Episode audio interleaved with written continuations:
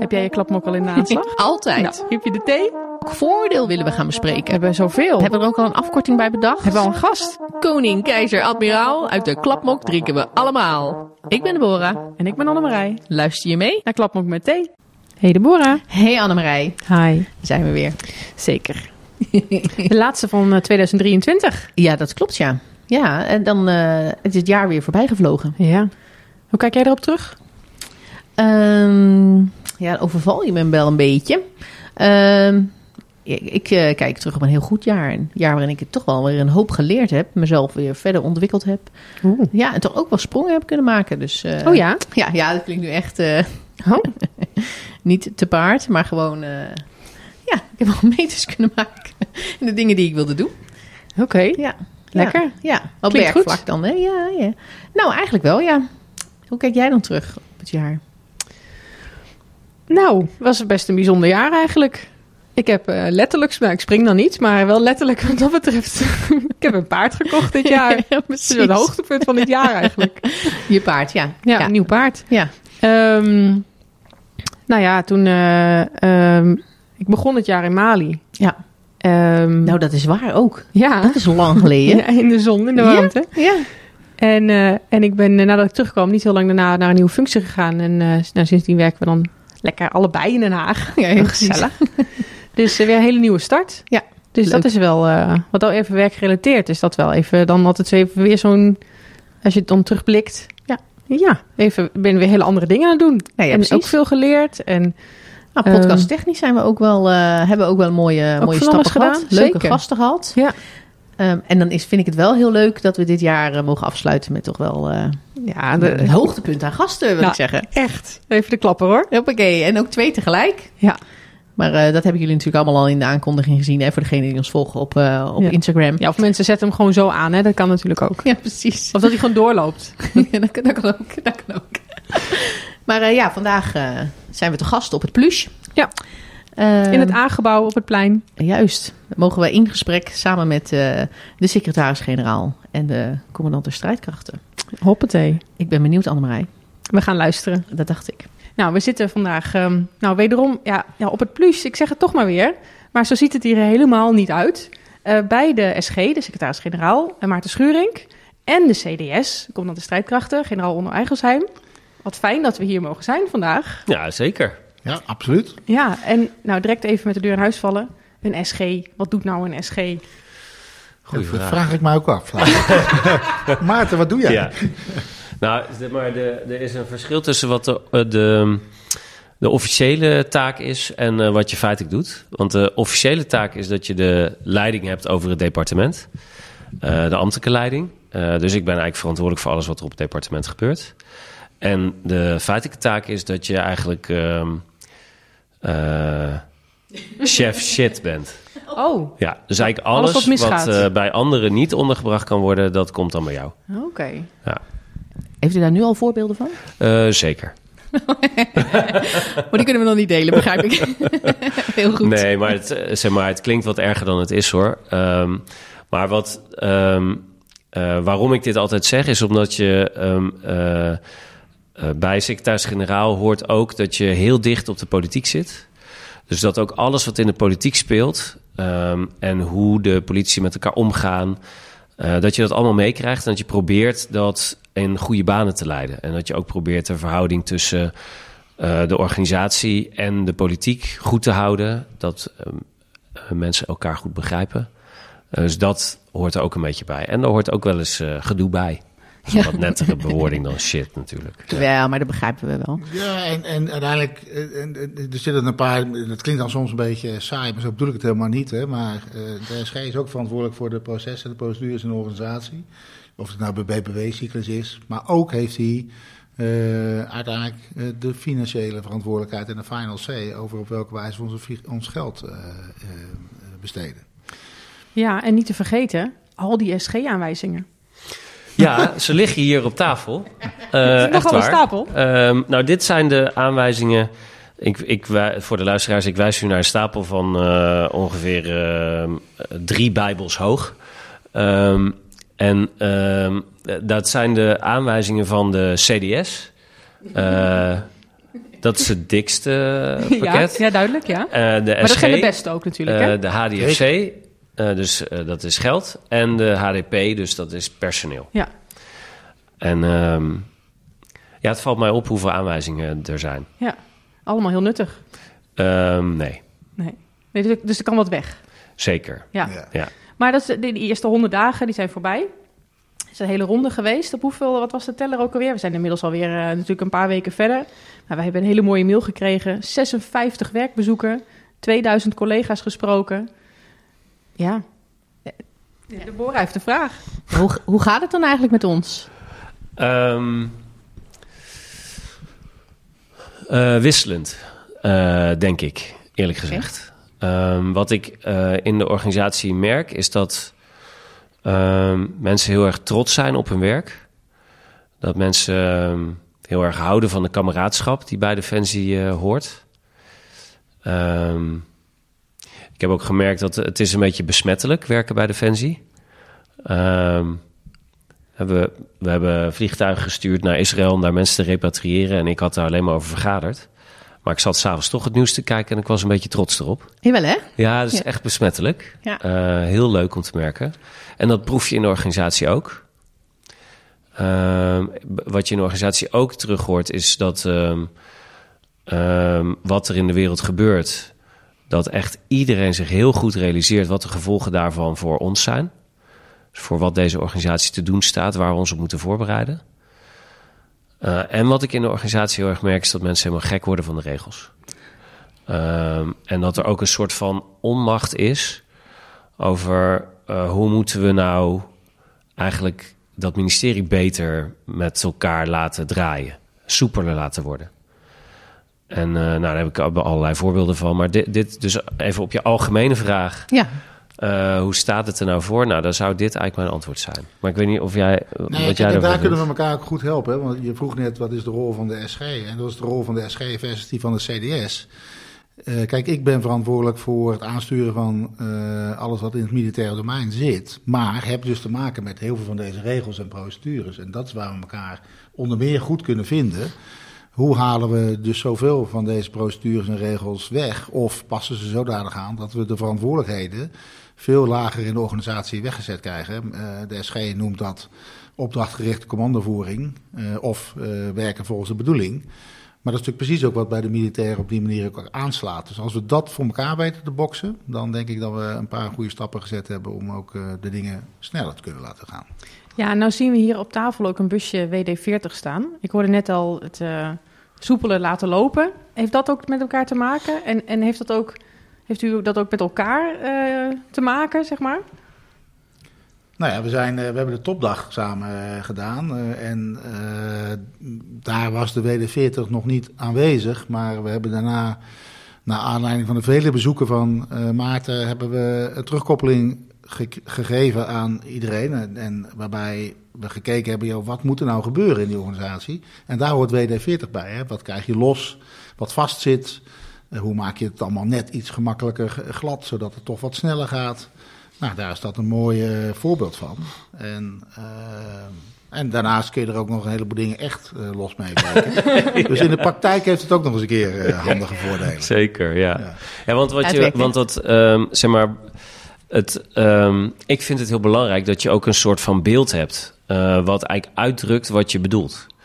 En ik denk dat iedereen dezelfde associatie bij WD-40 heeft. En dat is, oh ja, dat gebruik ik als uh, het scharnier van mijn uh, deur piept of kraakt.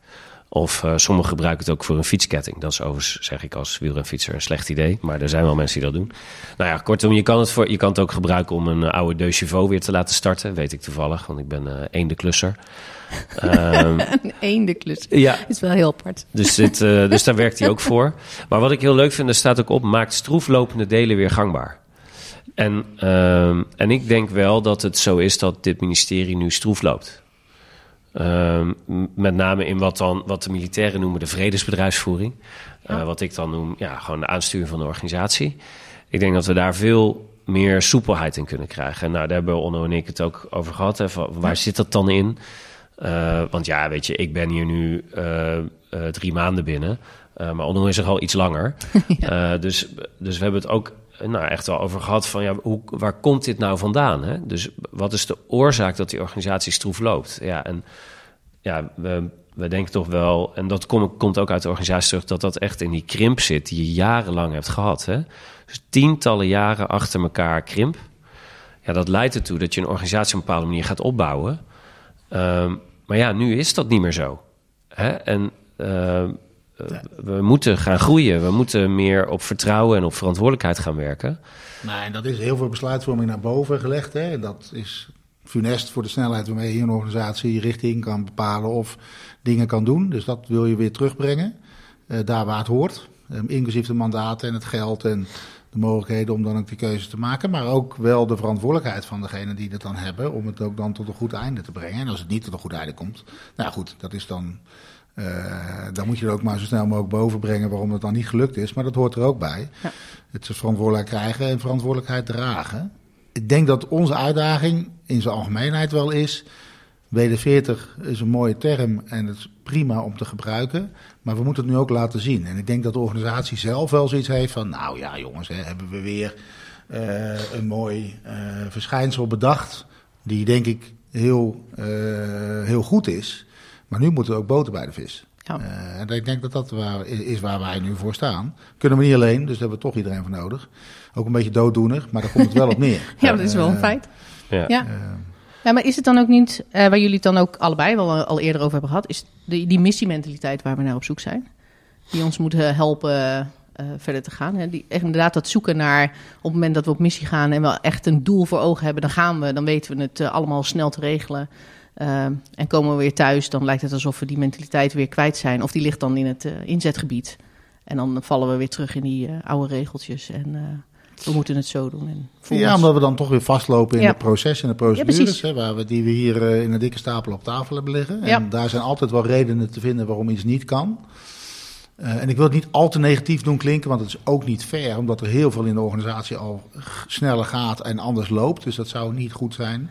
Nee, we en proberen mannen, daar waar we kunnen. Ja, en onze mannen en vrouwen weten ook wel vaak hun weg te vinden, maar dat is het precies wat ik zeg: hun ja. weg te vinden. En eigenlijk moet de weg heel helder zijn. En ja. daar hebben we echt nog wel uh, een boel in te veranderen. Nou ja. ja, en dat is ook um, uh, het moeilijke bij dit soort organisatieveranderingen, is altijd dat je. Um, Kijk, je hebt een verhaal nodig. Uh, en uh, wat je nodig hebt is goede voorbeelden. Waar je ziet dat het, uh, dat het onder je handen verandert. En ehm, wat er veel in organisatieverandering gebeurt, is dat je dan gaat wachten. Totdat iemand anders met een goed verhaal komt of iets goeds voor elkaar krijgt. En eigenlijk de sleutel om het te veranderen, is dat eigenlijk iedereen probeert om in zijn directe omgeving ook als wij hier de deur weer uitlopen, dat we dan weer nadenken over: oké, okay, ik ga nu vergaderen over inkoop. Oké, okay, laten we het dan meteen ook anders uh, doen. dus ik krijg even over goede voorbeelden gesproken. Uh, ik hoor heel positieve geluiden uit de organisatie over de gevechtslaarzen en de manier waarop je die nu kan uh, bestellen, passen. en dat is niet dat iedereen maar zijn eigen gevechtslaarzen kan kopen. Nee, je hebt vijf verschillende merken, tien verschillende soorten. Je kan ze passen in een soort van uh, winkel. waar je ook nog kan lopen op moeilijke ja, op ondergronden en zo, enzovoort. Ja. Oh, jullie zijn er ook geweest. Ja. Ik, ik, heb ze nog niet Nee, hoor. jij nog niet? Oké. Okay. Ik ben al nou, anderhalf jaar aan het wachten. Oké, oké. Okay. Had iets sneller gekund, zou je zeggen. Ja. maar het idee is heel goed. Nou ja, maar wat kan er dan... Dus mijn vraag... Oké, dus jij hebt blijkbaar anderhalf uur, anderhalf jaar gewacht op... Ik heb ze nog niet. Nee, maar en waardoor komt dat? Ja, geen idee. Wordt niet uitgeleverd. Ik, ben, ik heb natuurlijk geen prio, want ik zit hier bij de zeggen. Dat, is, dat, is, dat is vaak de reden, de gevechtseenheden krijgen prioriteit bij ja. het uitleveren ja. van schaarste. Ja. Uh, en waarom is er schaarste? Dat is natuurlijk de belangrijkste vraag. Is dat hebben we er niet genoeg besteld of leveren ze niet? De tweede is het geval in dit geval, omdat er een bepaald kwaliteitsprobleem was en er dus uiteindelijk minder geleverd ja. wordt. Kijk, en dan zie ik... je dat die inderdaad directe prioriteit gaat ja. naar de gevechtseenheid. Dat wat op zich en, goed dat is. is goed. Ja, en dat is goed. Ja. Maar eigenlijk moet het zo zijn dat er genoeg op voorraad is en we dit allemaal zo snel mogelijk kunnen mm -hmm. uitrollen. Maar wat ik dan weer, wat, wat ik nou belangrijk zou vinden, is dat jij zou weten dat het hierdoor komt. Ja. En weet je dat of niet? Nee. Dit is voor jou nieuw, ja. wat Onno nu zegt. Kijk, dit moeten we dus anders gaan doen. Want als jij namelijk weet dat dit de afweging is die erachter zit, dan, vind je, dan kan je hem accepteren. Ja, kijk, nou weet ik dat ik niet hoog op de prio-lijst sta, omdat ik gewoon een staffunctie heb. Maar goed, als mens, ik heb uh, kisten die gewoon echt voor geen meter zitten, waar ik eigenlijk niet op kan lopen. Dus ik draag nu mijn uitzendkisten, die ik netjes ook heb aangemeten heb gekregen, waar ik over die steentjes heb gelopen. Die zitten hartstikke lekker. Alleen die staan niet zo netjes bij het pak, want die hebben eigenlijk de verkeerde kleur. Ja. Maar inmiddels heeft iedereen een andere kleurkist aan. En ik, ja, dan draag ik die wel totdat ik die echte krijg. Juist. Um, dus eh, op zo'n manier eh, vul je het in, zeg maar.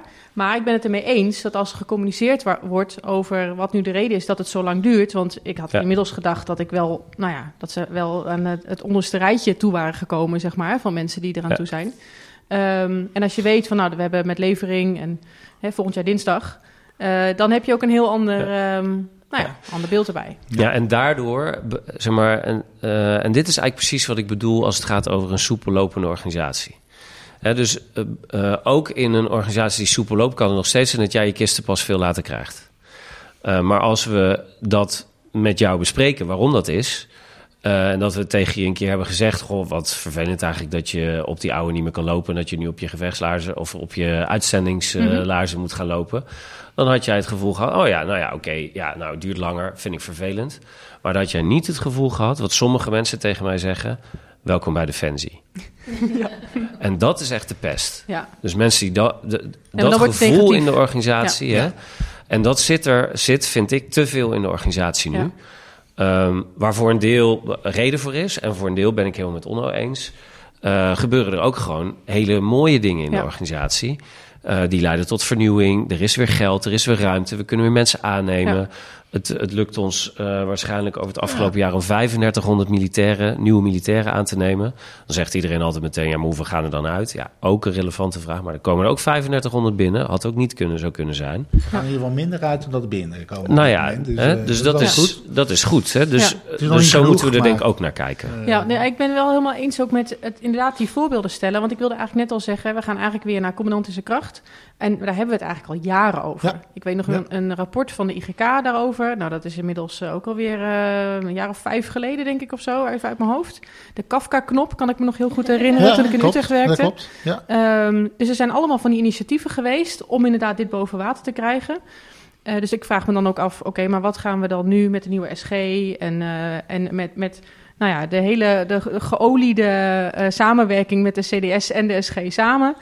Wat gaan we dan nu anders doen? Of gaan we eigenlijk door op waar we al mee bezig waren? Nou ja, kijk, het begint eigenlijk al met het feit dat we, uh, laat maar zeggen, bij onze opdrachtformuleringen niet meer gaan vertellen hoe dingen moeten gebeuren. Maar dat we eigenlijk alleen maar aangeven wat we verwachten, wat er zo meteen voor resultaat uitkomt. En daarna laten we het over aan de commandanten, die dan moeten uitwerken op welke manier ze denken dat ze dat moeten gaan doen. En dan moeten ze dat ook kunnen doen, uh, doordat ze de financiële middelen hebben, doordat ze een mandaat hebben om bepaald personeel aan te nemen. En ik snap dat dat ook allemaal nog tijd kost. Maar dat is wel de, de koers die we nu pakken. Dus we gaan niet meer aan de bovenkant stellen met die lange schroevendraaier. Dit is de manier waarop we denken dat het moet gaan gebeuren. Maar dat laten we gewoon aan de mannen en vrouwen zelf over die daarover gaan. Dat, is al een, dat klinkt als heel makkelijk, maar dat is het nou, dat is ook makkelijk, maar dat is, uh, dat is best wel even lastig voor de ja. organisatie om het op die manier al te benaderen. Maar dat is wel de start. Ja. Uh, dus van boven naar beneden toe is dat de manier waarop we uh, de dingen gaan aansturen in de organisatie, zonder dat we vertellen hoe het moet. Ja. En misschien een, um, wat mij betreft is, jij vroeg wat gaan we anders doen. Wat mij betreft gaat dat ook over um, dat we niet een programmaorganisatie of een taskforce of een stuurgroep of een werkgroep of een uh, wat nieuwe dan ook, afdeling. of een nieuwe afdeling gaan starten om dit voor elkaar te brengen. Dit is iets wat we in het reguliere werk moeten gaan doen. Er is geen alternatief. Dus um, nou, wij, zitten allebei in uh, iets wat heet het Veiligheidscomité. Daar zitten alle opkoopcommandanten uh, en wij zitten daarin. En daar vergaderen we uh, met steun van de directie Veiligheid over hoe zit het met veiligheid hier uh, op het ministerie en in de krijgsmacht. En ehm, ik heb naar de, de, vergaderingen gekeken, de verslagen van die vergaderingen. En dat ging eigenlijk elke keer over op dezelfde manier. De directie Veiligheid bracht een stuk in.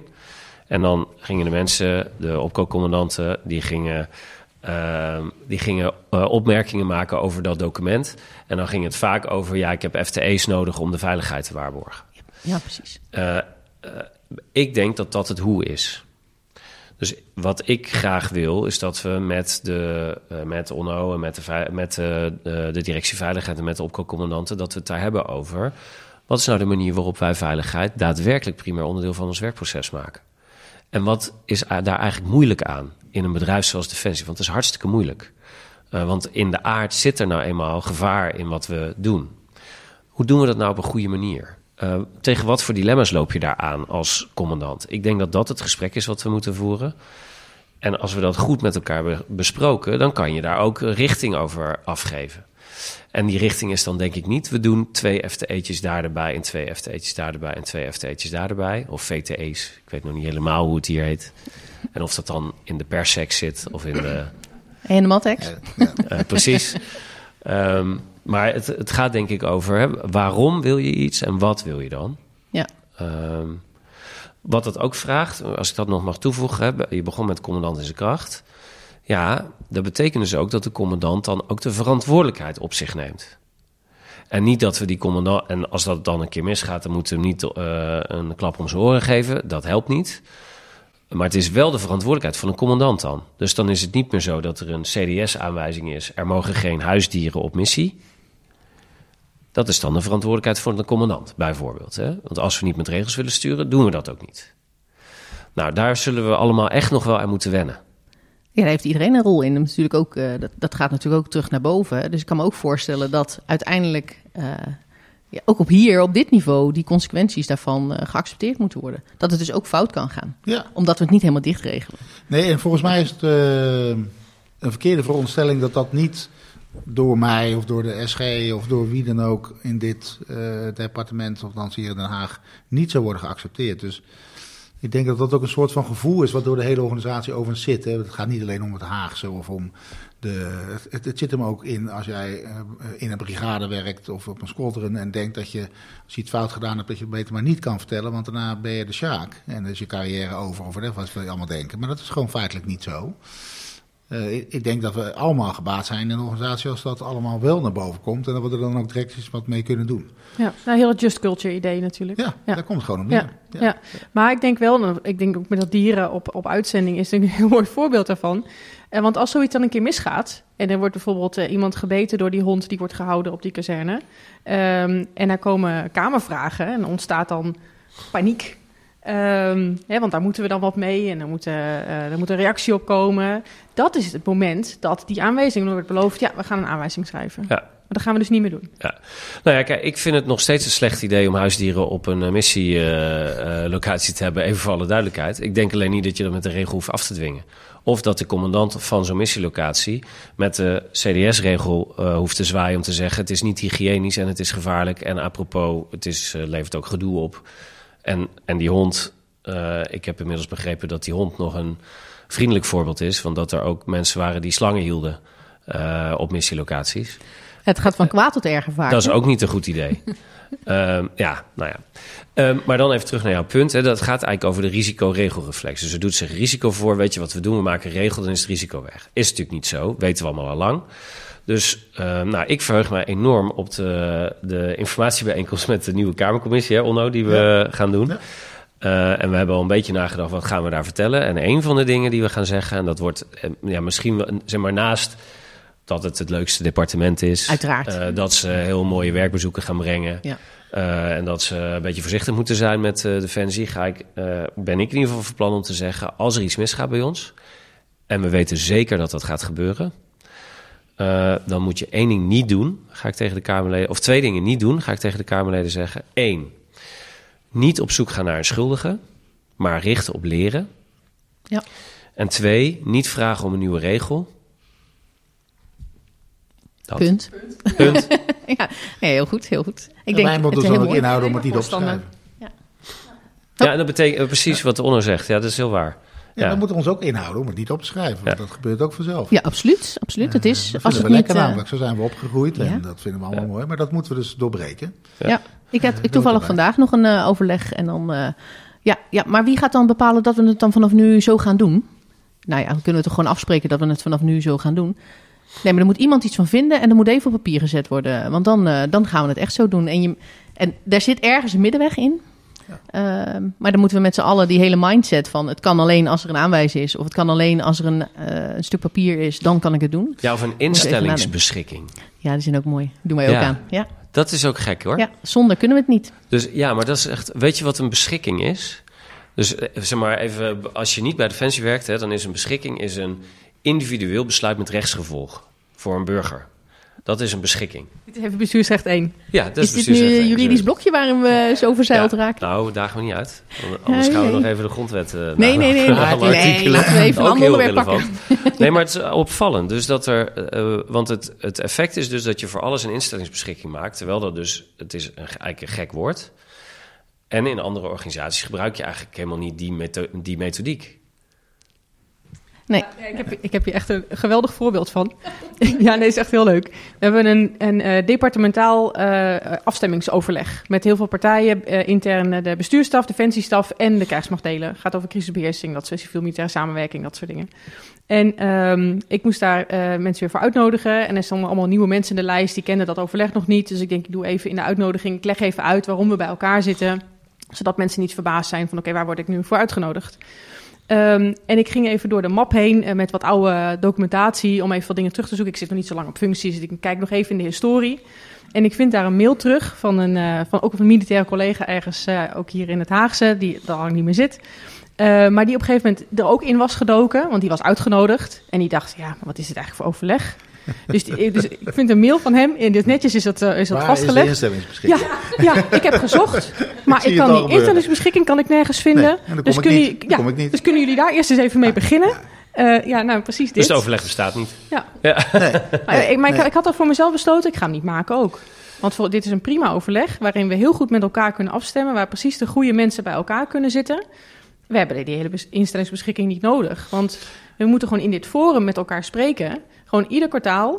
En dan hebben mensen de, de voortgang of we kunnen ze updaten. En dat is het. Ja. Nee, en, en dus zie je dat want we kunnen er om lachen natuurlijk, en dat is prima. Omdat het een goed voorbeeld is, we wat laten zien hoe het gedrag van onszelf is. Ja. En daar zit natuurlijk de crux een beetje.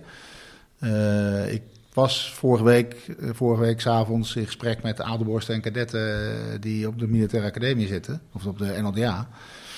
Maar daar uh, merkte ik ook dat bij hun nu al leeft dat we zoveel regels en procedures hebben dat er een heleboel dingen niet kunnen. En dat zijn ja. jongens en meisjes of uh, dames en heren die nog maar net, uh, die eigenlijk net op het moment staan om onze organisatie in te komen. Eigenlijk dus nog een frisse wel heel hebben. diep in onze organisatie weg, weggezet. Ja. En dat, ja, dat, kan, dat moet gewoon niet. Maar we onderrichten het dus ook bijna. Ja. Dus het is best weerbarstig. Dus uh, het is een goed voorbeeld wat je geeft, maar het laat ook onmiddellijk zien dat we toch in 9 van de 10 gevallen toch nog een beetje zo denken met elkaar. En dat moeten we heel snel zien te veranderen. Ja, ja en um, in het gedrag hè, van ons alleen. Ja. ja.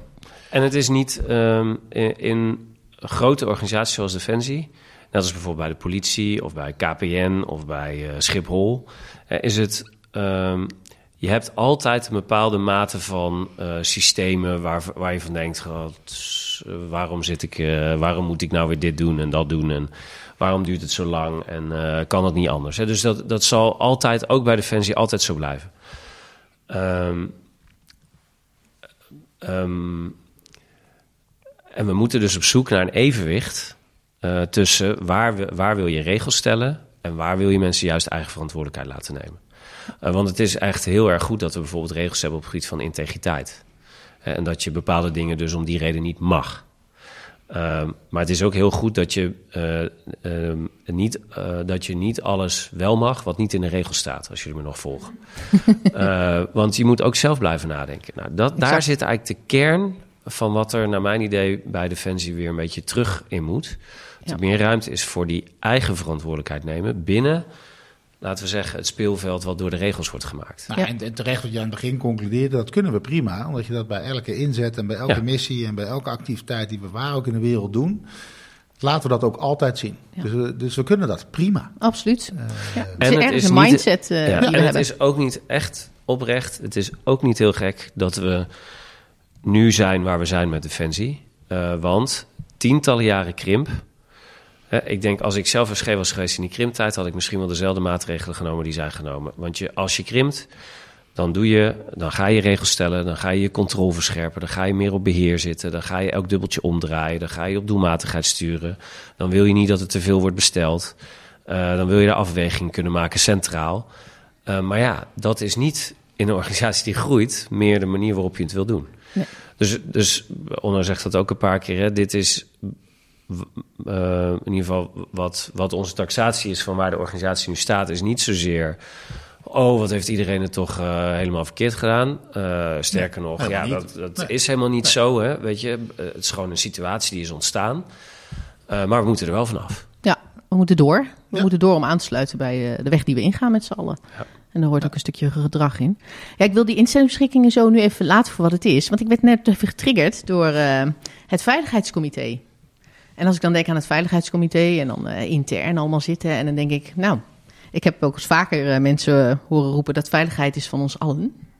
Zouden we dat veiligheidscomité dan niet moeten uitbreiden en niet zozeer intern moeten gaan kijken, maar misschien buiten het departement moeten kijken om te zien um, ja, waar daar misschien winst te halen valt?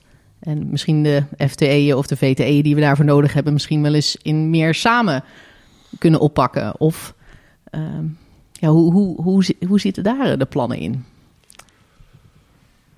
Wat nou, niet, bij de niet in de vorm zoals jij zegt, uh, laat, uh, uh, hoe kun je dat van buiten, hoe kun je met buiten, dat je met buiten meer moet samenwerken en meer moet bekijken op welke manier het naar andere departementen gaat, is denk ik sowieso een goede. Maar dat is niet wat je bedoelt, denk ik. Nee, nee het is echt uh, als veiligheid van ons allemaal is. Hè, dan krijg je toch een beetje de whole of society. Of beginnen we met de whole of governance. Ja, uh, ah, ja oh. dat was het bruggetje. Oh. Ja. ja. Oké, okay, ik was te complex, ik was te vaag, te vaag. Ja, ja je moet het ons ook niet te moeilijk maken natuurlijk. Nee, ja, precies, precies. Nee, Hoe zit het daarmee? Ja, nee, maar dan zie je natuurlijk, hè, het veiligheidscomité, dat zie je dan in een veel groter verband terugkomen omdat het vraagstuk veiligheid van niet, niet van defensie nee, is. Even, ja, we waren even. Uh, ik snap nu je Wij bruggetje. zaten in ons veiligheidscomité, ja. intern onze organisatie. Die nou, gaat daar moeten we nou uit. Ja, ja. nee, nee, I got it, I got it, I got it. Maar de, ja, de, je hebt het over de gereedstelling van de samenleving. Ja, bijvoorbeeld, ja, ja. ja. Een hele mooie. Uh, ja, nee, kijk, voor, voor ons... Wacht even hoor, de gereedstelling van de samenleving. Is, is dat de nieuwe term? Nou, we zijn nog aan het oefenen op de term. Wat nou okay. het beste is om hiervoor te gebruiken. nou, het klinkt wel heel goed. Dit is, uh, dit is ja. een, uh, de whole society approach, zoals jij het noemt. Hè. Ja. Nou, ja, we, we, moeten nog eens goed nadenken over wat hier het beste bij past. Ik heb een tegenbod. Uh, doe jij eens een tegenbod. De weerbare samenleving. Ja, dus, nou ja, zo hebben we er nog een paar, denk ik. ik, ik, ben niet, ik word geen van, geen van drieën direct het meest enthousiast. Ik ben er ook oh. zelf nog niet uit. maar waar het natuurlijk op neerkomt is dat uh, Defensie het niet alleen kan en ja. niet als organisatie de enige is die voor de veiligheid van de samenleving moet staan, maar dat je dat met elkaar moet doen. en dat elk individu eigenlijk in de samenleving daar een rol in speelt, op welke manier dan ook. Ja. Dat organisaties daar een rol in spelen of transportbedrijven ons ondersteunen, maar ook dat de mensen in de samenleving bij ons kunnen dienen op de momenten dat het nodig is. Dus we hebben echt nog wel daar een heleboel stappen in te zetten. Die we overigens prima doen. Gisteravond was ik met de werkgevers en de reservisten aan tafel. 100 werkgevers ongeveer. Die begrijpen donders goed dat deze organisatie het niet alleen kan. En dat zij ook een maatschappelijke verantwoordelijkheid hebben om die veiligheid met elkaar te gaan garanderen. Merken we dat ze, die ook, uh, dat ze ook in staat zijn om daar een invulling aan te geven? Ja. ja. En willen ze dat ook? Ja, zeker. Dat willen ze zelfs heel graag. En dan helpt het ook weer dat wij langzaam zeker afgegaan zijn van alle regels en procedures die we kennen. En dat we best in staat zijn om hele open contracten met elkaar af te sluiten, waarin eigenlijk niet alles helemaal vastgetimmerd is. Maar dat het ook vertrouwen heeft bij de bedrijven en de instanties waar we mee willen samenwerken. Of het nou de medische faculteiten zijn, of, de medie, of, de, of het zijn de ziekenhuizen. Of het zijn nogmaals de transportbedrijven, of het is het spoor. Allemaal speelt men een rol zometeen in uh, dat deel van het ondersteunen van de defensie. Maar ook die organisatie zelf moet weerbaarder worden. Dat is jouw term eigenlijk. Omdat je, als het een keer minder goed gaat dan wat je nu hebt, er natuurlijk meer van de samenleving wordt gevraagd. Uh, en dat je het niet allemaal meer gemakkelijk hebt, omdat de stroom het altijd doet of omdat het water altijd doet. En je kunt altijd naar de winkel toe. Nou, zo dramatisch wil ik het niet per se nu direct maken. Maar daar is niet onze samenleving heel erg op ingericht. En op de gedachte dat het überhaupt kan gebeuren. Nou, die stappen uh, moeten we zetten. Dat is wat we bedoelen met de Whole Society of de weerbare samenleving of het gereedstellen, van, de samenleving. van de samenleving. Maar zou dat dan een, zou dat dan een boodschap moeten zijn die vanuit uh, Defensie komt? Defensie is namelijk degene die je altijd ziet waar uh, conflicten en uh, grote ellende op de wereld en daar moeten we dingen mee doen. Ik heb niet het gevoel dat de samenleving datzelfde voelt, ja. die dreiging. Hè? We weten dat het er is, maar ja. Nee, maar ik denk dat wij het ze moeten gaan vertellen. Ja? Ja, ik denk echt dat dat moet. Um, en um, kijk, wij hebben, het, uh, wij hebben er een beetje jargon voor hè? Uh, hier bij Defensie, namelijk uh, hoofdtaak 1. ja, ja. Uh, en daar valt eigenlijk heel veel onder. Hè? Maar, en, en voor iedereen die dat jargon kent, hè, die weet... oké, we zijn ons serieus aan het voorbereiden uh, op een gewapend conflict. Laten we hopen dat het niet gebeurt. En zeker niet op ons grondgebied. Maar ook als het niet op ons grondgebied is, maar op dat van de bondgenoten. Het kan komen. En dat is een heel ander soort oorlog dan we tot nu toe uh, hebben uitgevochten. Uh, tenminste, tot nu toe, in de laatste jaren. Ja. Um, en, uh, en ik denk dat wij moeten, wij, we moeten woorden gaan vinden om niet in ons jargon, maar in taal die de samenleving ook spreekt, te gaan uitleggen dat het echt dichterbij komt. En dat we er alles aan moeten doen, met alle middelen die we hebben om het te voorkomen. Maar dat wij uh, als defensie, maar ook als samenleving de verantwoordelijkheid hebben om ons daarop voor te bereiden. En daarom vind ik die term gereedstellen van de samenleving. Hè, het is een. Kijk, gereedstellen is bij defensie ook een ingeburgerd mm woord. Hè? Um, en ik kende het niet toen ik uh, hier kwam. Uh, maar het is wel een woord waarvan iedereen meteen begrijpt: oh ja, ik begrijp waarom het zo heet. En um, in artikel 99a van de grondwet staat dat er civiele verdediging, dat dat ook een taak is en dat er bij wet daar regels voor kunnen worden gesteld door de overheid. Nou, ik wil niet zeggen dat we nu een wet moeten gaan maken waarin we dat vanaf nu afkondigen, maar we moeten ons wel voorbereiden op die situatie. En niet alleen wij, Defensie, maar ook die samenleving. Uh, precies op de, op de punten ook die Onno noemt. Hè. Dus de ziekenhuizen, de vervoersbedrijven. Maar denk ook aan uh, alle cyberbedrijven. Ja. Denk aan de industrie waar Onno zich uh, de afgelopen dagen ook heel druk over heeft gemaakt. Ja. om, om daar meer push urgentie achter te geven. Ja, dat we sneller dingen kunnen krijgen. Ja, dat, die urgentie is nog niet gewoon genoeg aanwezig. En ik denk zelfs dat hij in onze eigen organisatie nog niet in volledigheid aanwezig is hoor. Ik, ik denk dat we als individuele militair ook onszelf de vraag moeten stellen: ben ik klaar voor de oorlog?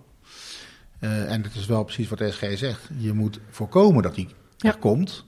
Maar de enige manier om dat als militair te doen is om er ook klaar voor te zijn en alles uit de kast te halen. Uh, om er vandaag al uh, klaar voor te zijn. En dat deel mm-hmm. zit zeker niet in de samenleving, maar soms ook nog niet in nee. voldoende mate in onze eigen organisatie. Nee. En zeker niet bij de industrie die moet leveren. Want het, het, blijft natuurlijk een toekomstding. Het is niet iets wat er nu is. Nee, het is en... geen toekomstding. Het is vandaag. Nee, nee, nee precies. Nee. nee. maar ik bedoel ermee dat als we bijvoorbeeld nu uh, Midden-Oosten is iets wat nu speelt, waar ja. nu heel veel mensen in onze organisatie druk mee zijn, of de afgelopen periode heel druk mee zijn geweest.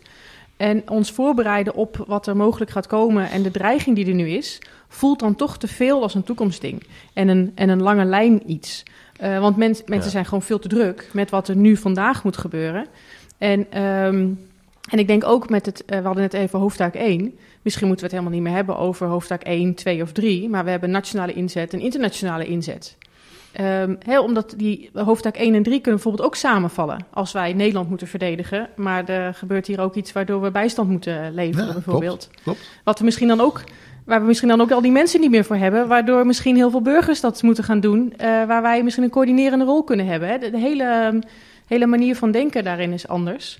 Maar als, als we vooral als organisatie heel druk zijn met wat er nu op dit moment vandaag speelt.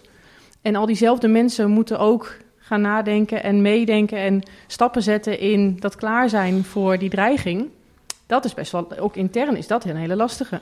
Nee, dat klopt. En uh, kijk, ik, ik, blijf het wel een beetje atypisch vinden hè, dat je een organisatie hebt, de krijgsmacht, de zwaardmacht van de samenleving, die op het moment dat ze geroepen wordt de strijd in moet kunnen. Dus het is helemaal niet iets van morgen of overmorgen of uh, over volgend jaar. Nee, we moeten het vandaag al ja. kunnen. Dus we moeten er alles aan doen om vandaag er ook gereed voor te zijn. En ik begrijp ook gezien het verleden waar we natuurlijk vandaan komen dat dat niet zomaar gedaan is. Maar de dat heeft dus een hele hoge urgentie als je Absoluut. daadwerkelijk het gevecht in moet kunnen gaan uh, met de middelen die je daarvoor wenst. Dus uh, ergens, maar, maar, maar aan de andere kant snap ik ook donders goed wat je zegt. Want we zijn hartstikke druk met de waan van de dag, die overigens ook hoort bij het gereedstellen van onze organisatie. Ook, absoluut, ja. ja dus dat kun je ook niemand kwalijk nemen. Maar ergens moet je de ruimte vinden om toch bij jezelf te beseffen, ik moet nog een paar stappen anders en extra doen om ervoor te zorgen dat we uiteindelijk wel dat gevecht kunnen voeren. Wat beduidend anders uit gaat zien, daar kan ik je verzekeren, dan uh, waar we op gerekend hebben. Ja. Uh, nou ja, anyway, dat urgentiegevoel moet dus hier nu al in onze organisatie zitten. Maar extern, maar interdepartementaal ook. ook. Ja. Nou ja, kijk, het gereedstellen is nu. Dat is niet later, dat is nu. En niet alleen voor Defensie, uh, maar naar mijn overtuiging zeg ik drie maanden lang, drie maanden onderweg. Hè, Maar ik heb een hoop geleerd. Uh, maar ook het gereedstellen van de samenleving is nu. En uh, dat betekent dat we, uh, nou, ik zie dat ook, nou, Onno ook, wij zien dat ook als onze taak. daarom zie je Onno ineens zoveel op tv en in de krant. dat is iets minder mijn rol. Maar ik doe weer interdepartementaal heel veel. Ja. dus ik, ik was vorige week nog bij de, het uitje van de generale thesaurie. Dat is een onderdeel van financiën waar ze, zeg maar, ja, dat is een heel belangrijk onderdeel van financiën. waar ze heel, veel geld beheren, oh. uh, laat ik het zo maar zeggen. Waaronder ook alle staatsdeelnemingen. Um, en uh, ja, heel belangrijk. Dus we, ik heb daar samen met uh, Jarno Groosmans en um, Simon Wouda... Ja. heb ik verteld over... Nou, zij over hun ervaring in Afghanistan... en met ondersteunen van Oekraïne. En ik na drie maanden Defensie. en wat ik ze daar verteld... hetzelfde wordt van grootte, toch? Hoe bedoel je? Nee, het was, hun verhalen waren veel beter dan die van mij. Uh, maar wat wel helpt is dat ik spreek hun taal meer.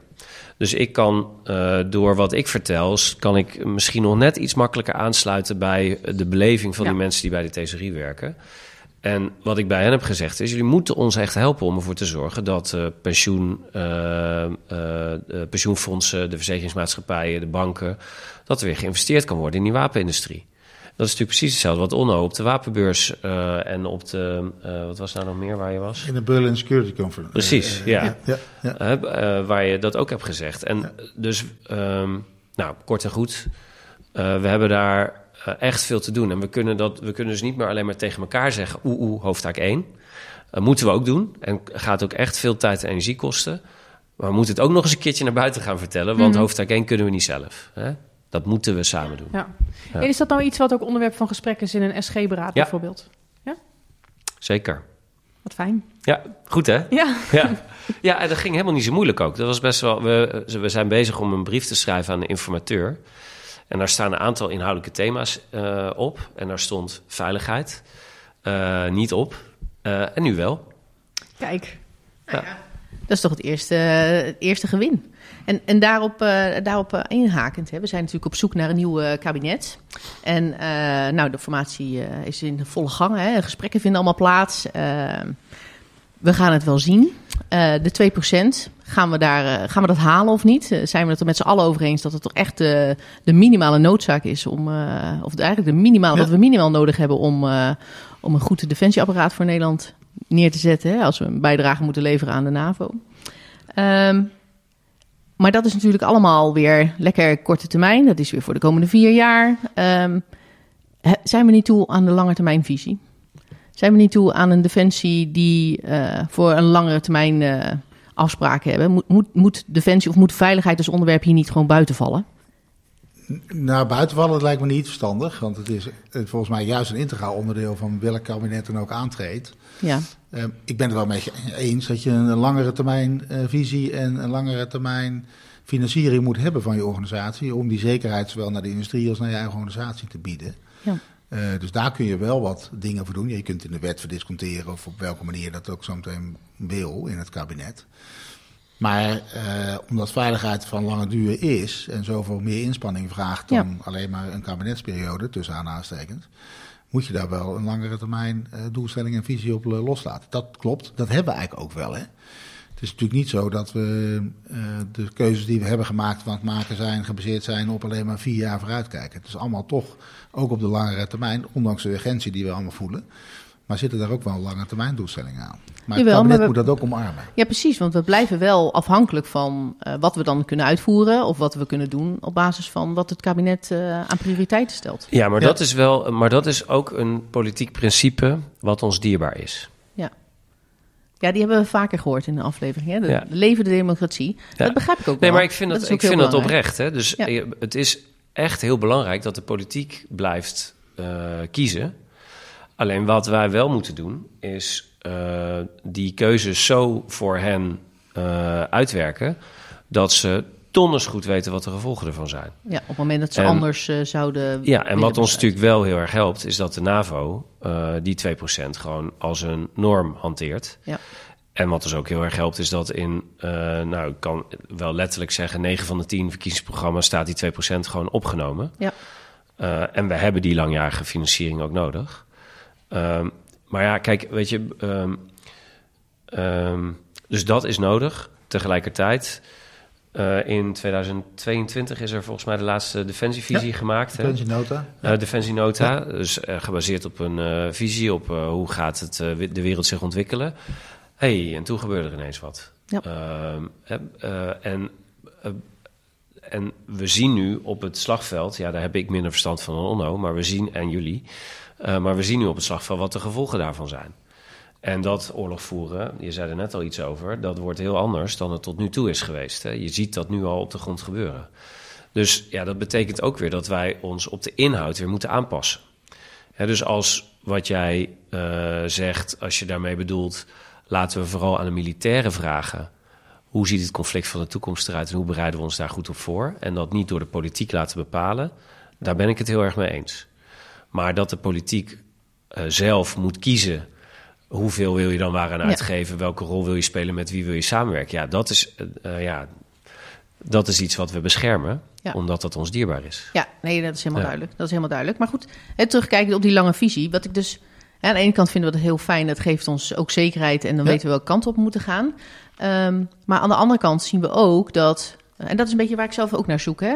We hebben nu een defensievisie. Nou, hij ligt... Uh, nee, dus defensie, hij ligt hier in een bakje. Ja, ja. Um, uh, en dat geeft natuurlijk uh, tot 2035. Nou, u zei net al, uh, van, ja, de, de wereld verandert. we hebben nu ineens een, een, conflict gaande op Europees grondgebied... wat we niet nou, misschien niet hadden zien gebeuren. Misschien wel hadden voelen aankomen als een potentieel, maar niet verwacht hadden dat het nu zou plaatsvinden. Uh, waardoor er toch weer anders gekeken wordt. En ja, dan hebben wij een mooie lange termijnvisie. En in hoeverre sluit die dan aan uh, bij het conflict wat nu gaande is en waar we op ons, ons op moeten voorbereiden? Weten we wel waar we ons op moeten voorbereiden? Ja, voor een deel weet je dat, voor een deel weet je het niet. Hè? Zo eerlijk moet je ook altijd zijn. Er zal altijd een black swan of whatever zijn wat je verrast in de wereld. Maar ik denk dat uh, 90% van hetgeen wat we ook in de Defensienota 22 geschreven hebben, uiteindelijk ook wel uh, tot uiting is gekomen in het gevecht dat we nu hebben gezien. Jazeker. Maar ook dat je een rol te vervullen hebt binnen willekeurig welk bondgenootschap of willekeurig ja. welk samenwerkingsverband in de wereld, waar je voor moet zorgen dat je het, bondgenootschap veilig houdt, het koninkrijk veilig houdt stabiliteit brengt in het Midden-Oosten en Afrika. En uiteindelijk ook beïnvloedt in de Indo-Pacific. Dus daar verandert in brede zin niet zo heel veel aan. Maar dat is al direct wel een kader waarbinnen je je organisatie moet gaan uh, vormen. En dat het gevecht, nee, dat de wijze waarop het gevecht gevoerd wordt heel rap kan veranderen, heeft ook te maken met het feit dat er een oorlog is. Want dan gaat innovatie, ja. krijgt ineens een zodanige swoon, ja. die we wel hadden aanzien komen. We wisten dat robotisering en automatisering en AI en informatiegestuurd optreden voor ons heel belangrijk was als krijgsmacht. Ja. Alleen nu zie je het al direct verschijnen in de oorlog in Oekraïne. Dus die, dat tempo gaat dan hoger. Nou, daar kunnen we alleen maar ons profijt van doen en zeggen: hé, hey, dan omarmen we dat gewoon dus nog sneller dan we hadden gedacht. Ja. Uh, maar het is niet zo dat de, de, de strijd nu. Uh, natuurlijk zitten er verrassende elementen in, maar ook weer niet zo verrassend dat ik zeg. Nou, dat hadden we echt helemaal fout uh, bedacht in de Defensienota 22. Te nooit aanzien komen. Dus dat, die, die, die, die houvast is goed, alleen je moet wel een organisatie hebben en eigenlijk ook wel een bondgenootschap hebben, wat heel snel zich kan aanpassen op het moment ja. dat het dus toch anders gaat. Ja. En dat is niet waar we heel sterk in zijn nog. Dus innovaties versneld toevoegen aan je organisatie vanaf laag naar hoog. Daar zijn we ook niet zo heel goed in, nog. Uh, dus dat moeten we verbeteren. En ook het bondgenootschap moet zich aanpassen. Uh, in plaats van de lange cycli die ze heeft, ja. de, voor de kennis, de NDPP-cyclus, het NATO Defense Planning Proces. Ja, het is maar de vraag of dat voldoende snel is om adaptief genoeg te zijn voor de verandering in, in de strijd. Nou, anyway, lang verhaal kort, dat moet dus sneller. Ja, nou ja, wel interessant. zeker, zeker belangrijke punten, absoluut. Um, Annemarij. Ja, nou, dit, deze aflevering is natuurlijk onze laatste aflevering voor het kerstverlof. Ja. Zit aan het eind van het jaar. Um, dat was natuurlijk een extra mooie aanleiding om uh, deze aflevering te maken en zo bij elkaar te zitten. Uh, de SG die net nieuw is en nou, we hebben het er uitgebreid over gehad, heeft teruggekeken, maar ook heel erg vooruitkijkt. Dus we zijn eigenlijk heel erg benieuwd naar de boodschap die u allebei nog heeft voor, uh, nou, voor ons, voor de luisteraars. Um, ja, het afgelopen jaar, het nieuwe jaar, wat wilt u meegeven? Ja, op, laat ik vooropstellen, laten we in godsnaam genieten de komende weken van uh, het feit dat het gewoon kerst is en dat je van je familie en vrienden, als je thuis bent, in ieder geval niet op uitzending, uh, dan daarvan geniet. En neem ook de rust. Maar wat ik op inhoud wel zou willen zeggen is dat we hebben nu ook wel met onszelf de kans om een organisatie te bouwen en te veranderen die echt daadwerkelijk toekomstgericht is. We beseffen we hebben het net over de dikke laag procedures en processen gehad die we willen aanpassen, waar een SG staat die het wil aanpassen. We hebben zelf een plan over hoe we de krijgsmacht willen vormen naar de toekomst toe. Er is geen, ondanks alle crisis in de wereld, alle ellende die we over ons heen hebben gekregen en die we ongetwijfeld nog gaan krijgen, geen beter moment dan nu om een organisatie te bouwen zoals de krijgsmacht eh, van de toekomst is. Dus die boodschap wil ik ook nog even meegeven. Ja, nou, daar ben ik het eigenlijk wel mee eens. Good point. Ja, en misschien nog eh, toevoegend, weet je... Um, uh, ik heb er net al iets over gezegd, hè, maar het is... Um, bij organisatieverandering is het over het algemeen zo dat je, je kan wachten totdat een ander iets doet wat de organisatie beter maakt. Maar het beste is het zelf te doen. Um, want ja, weet je, je bent er nou toch. ja. Ja, heel mooi. Ja, het begint bij onszelf. Nou ja, precies. Ja. Nou, laten we dat dan ook vooral zo doen. Mag ik jullie beiden ontzettend bedanken voor, uh, voor dit gesprek. En, uh, Graag gedaan. Graag gedaan. Nou, ik vond het echt een leuk gesprek. Ik vond het een goed gesprek. Ja. En uh, de, de titel van onze aflevering, het loopt gesmeerd bij Defensie. Nou, dus het, tussen deze twee mannen loopt het volgens mij wel gesmeerd. Dat is wel de indruk die ik heb gekregen. Ja. Dus dat stemt goede moed voor de toekomst. Zeker. Ja. Waar we met z'n allen naartoe gaan. Ja. Nou, hopelijk wat minder risico-regelreflex. ja, ik vond het wel mooi, want die hebben we ook al vaker voorbij zien komen, hè? Ja, ja zeker. Horen komen, ja. inderdaad. Was het niet ook met de inspe inspectie veiligheid? Die aflevering dat oh, we daar over de regelreflex oh, hadden? Ongetwijfeld. Ja, precies. En nu kwam die weer terug. Dus je ziet toch dat het bij de hoge ambtenaren uh, toch uh, leeft. Ja. Uh, ja, nou ja, weet je, wat ik wel heel goed vond, ehm, is echt wel de, de hele mindset. De hele, de hele hoe, ze, hoe ze erin zitten, zeg maar.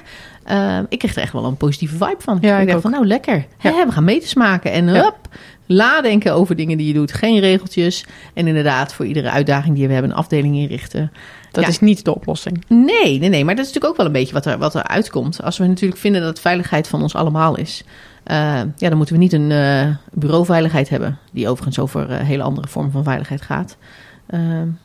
Sociale veiligheid en dat soort dingen bedoel ik dan. Maar we hebben het als veiligheid van ons allemaal hebben. Anders krijgen we weer dat bruggetje wat ook niet aansluit Ja, je bent ze nu ook weer door elkaar aan het halen hoor. Nou, ja, precies. Maar dat is het dus. Er zijn er dus meerdere.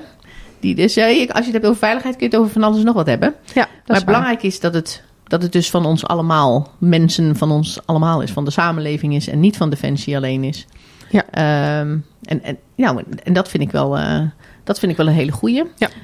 Um, en wat mij dus goed wat ik dus goed vind, is dat we daar dus al over in gesprek zijn. Mm -hmm. En dat ook de SG op zijn SG-niveau met de andere uh, secretaris-generaals van, uh, van het, ja, de andere ministeries, dat ze het daar ook al over hebben. En dat het een thema is. Secretaris en generaal of secretaris-generaals? Nou, laat het maar weten. laat me weten wat het moet zijn. Het is een beetje als de sergeant major of de sergeant majors. Precies. Hetzelfde discussie. Ja, maar, ja. Uh, nee, maar dat is heel goed inderdaad. Dat ook op dat niveau dat die ja, actualiteit of die, uh, de noodzaak om het hier met elkaar over te hebben, dat dat gewoon uh, voldoende naar voren komt. Ja, ja, hoop ik echt. Hè. Want, want ja. vaak blijft het een beetje hangen in het verhaal van Defensie. Oh god, komt Defensie weer ja. met zijn veiligheidsverhaal. Oh ja, oorlogsdreiging. Oh ja, oh ja, oh, het is allemaal heel spannend in de wereld. Nou, nou. Uh, maar het is echt zo. En ik, ik, ik pleit er echt voor dat het niet meer het verhaal van Defensie is, maar dat het het verhaal Van allemaal. allemaal. wordt. Ja, Ja. absoluut. Ja. Ja, en als we dan wel even nu de terugstap weer naar, naar Defensie zelf. Ja. Eh, en hoe, on- hoe gesmeerd onze organisatie loopt. Ja. En wat we ook zelf kunnen veranderen en in beweging kunnen brengen. Ja. Dat zijn we ook zelf. Nou ja, dat, we daar ook een zelf een eh, stap moeten zetten. Ja. Ja. Ja, een hele belangrijke boodschap. Zegt uh, van nou Annemarij, wat doe jij eraan om, om het soepeler te laten lopen? Ja. Weet je wel? Nou, dat zijn dan best vragen. Als je, die, als je mij zou stellen, zou ik er even over na moeten denken. Ja, nou, dus misschien kunnen we daar de kerstvakantie even voor gebruiken. Nee, nee, nee, nee, nee, want dan volg ik het advies van de CDS. Oh, we hebben ook echt vakantie. Ah, ja. heb ik echt vakantie, dan Ja. geniet ik van mijn gezin en mijn omgeving. En dan sta ik even stil in het nu. Nou, En misschien niet, even, eh, even dat, dat saaie momentje. Ja. Dat je even denkt van, nou, ik zit hier wel nu bij de familie, maar eh, ik, ik, ik ga even een blokje om, want ik ben er even mezelf. klaar mee. En dan, Ja. dan kan je er even over nadenken. Ja, dat is waar. Precies, Ja. pak je dat moment even mee. Ja. En dan begin je in januari weer met frisse moed. Juist. Ja. Nieuwe voornemens. Precies. En dan gaan we er een soepele organisatie van maken, Annemarij. Ja, we gaan het gewoon doen. Juist. Nou, eh, fijne, fijne feestdagen allemaal. Ja, geniet ervan. En dat is Hopelijk, vooral... eh, jullie allemaal lekker ook even wat verlof. Ja, maar dat is dan alleen voor de mensen die gelijk luisteren naar de Ja, aflevering. maar hè. dan gaan Mocht we dan terug luisteren, dan hopen we dat het allemaal leuk is Dan, geweest. eh, gelukkig nieuwjaar. Ja, dan zeggen we gelukkig nieuwjaar. Het wordt een beetje een rommeltje zo. Maar dat geeft helemaal niet. Dus Nee. mensen wel gewend van ons. Dat hoort er Eh, ook bij. Juist. Bedankt weer voor het luisteren in ieder ja. geval. En tot de volgende keer. Tot de volgende keer.